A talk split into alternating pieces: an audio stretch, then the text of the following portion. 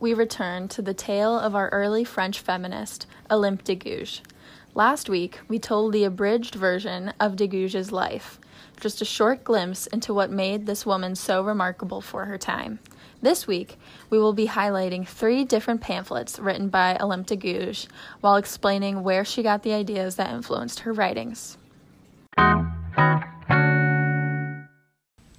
Our first text by de Gouges is a letter entitled The Antidote Advice to the Citizens of Versailles. The text itself is beautifully written and champions for the working class citizens of France. De Gouges is calling attention to the fact that the aristocracy, the noble, the top of the bourgeois, all actually care very little about the common man. In fact, she claims that the aristocracy is using the revolutionary ideas from the working class in order to further their personal political agendas. Her letter reads Yes, citizens, they are insinuating themselves, little by little, into your hearts by preaching your own saintly doctrines, by repeating your precepts, by using your own manner of speaking.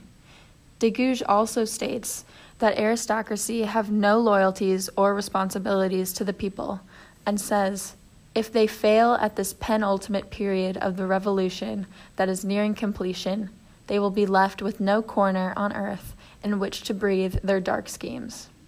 She concludes the letter with a plea to the common French citizen to see through the deceit of the rich and upper class, stating, Virtue proceeds openly.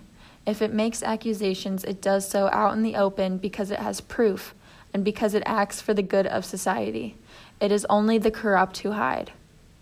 In a multitude of ways, Olympe de Gouges' plea continues to resonate with the politics and government of modern times. In de Gouges' text, Patriotic Remarks, she justifies and details why she must publish her political opinions for the public to see deeming that the Third Estate is ill, waiting on its deathbed for a life saving surgery. She compares this predicament to that of a sick child. The parents and physicians can't seem to come to an agreement on how to execute the proper care, all the while the care of the child has been neglected and a fatal mistake has been made. Stemming from this thought, Olympe de Gouges points out how, in a monarchical state, the people will only be happy if the state is not bankrupt. With the absence of a prosperous economy, the people will revolt. The Franks will lose their love of king and country, effectively dissolving their state, providing the opportunity for other forces to pillage the remnants. De Gouges calls on great leaders to hear the cries of their people, as this is the easiest way to deter unforeseen upheavals, claiming that you must pronounce on the concerns of the state and the public, but these pronouncements must unify and be both agreeable, for if you create divisions, you will lose them both. Without taking even the weakest members of the state's concerns into consideration, the state will lose the support of its people.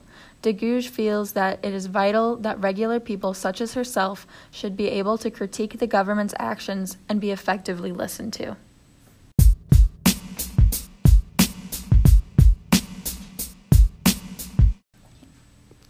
Finally, in arguably her most famous work, The Declaration of the Rights of Woman and the Female Citizen, De Gouges describes the necessity and methods needed for equality between men and women.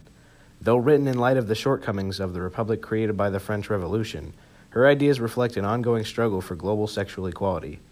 In it, she states that men and women are equal and should be afforded the same rights and privileges, including property, equal employment, and election to office.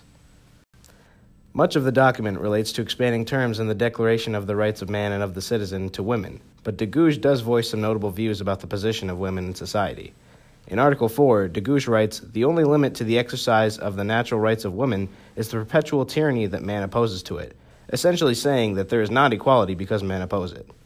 Related to this, in Article 9, de Gouges explains that women are just as punishable under the law as men, but do not have the same rights. She opposes this selective equality and says that men and women must be judged and treated equally.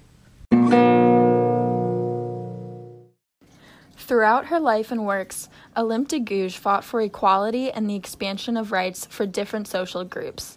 Not only a champion for women, but also for the working class, the poor, the elderly, children, and slaves in French colonies. These were only samples of the many different writings Olympe de Gouges published for the masses. However, they do provide a clear reflection of the political stances she held and the future she saw for France.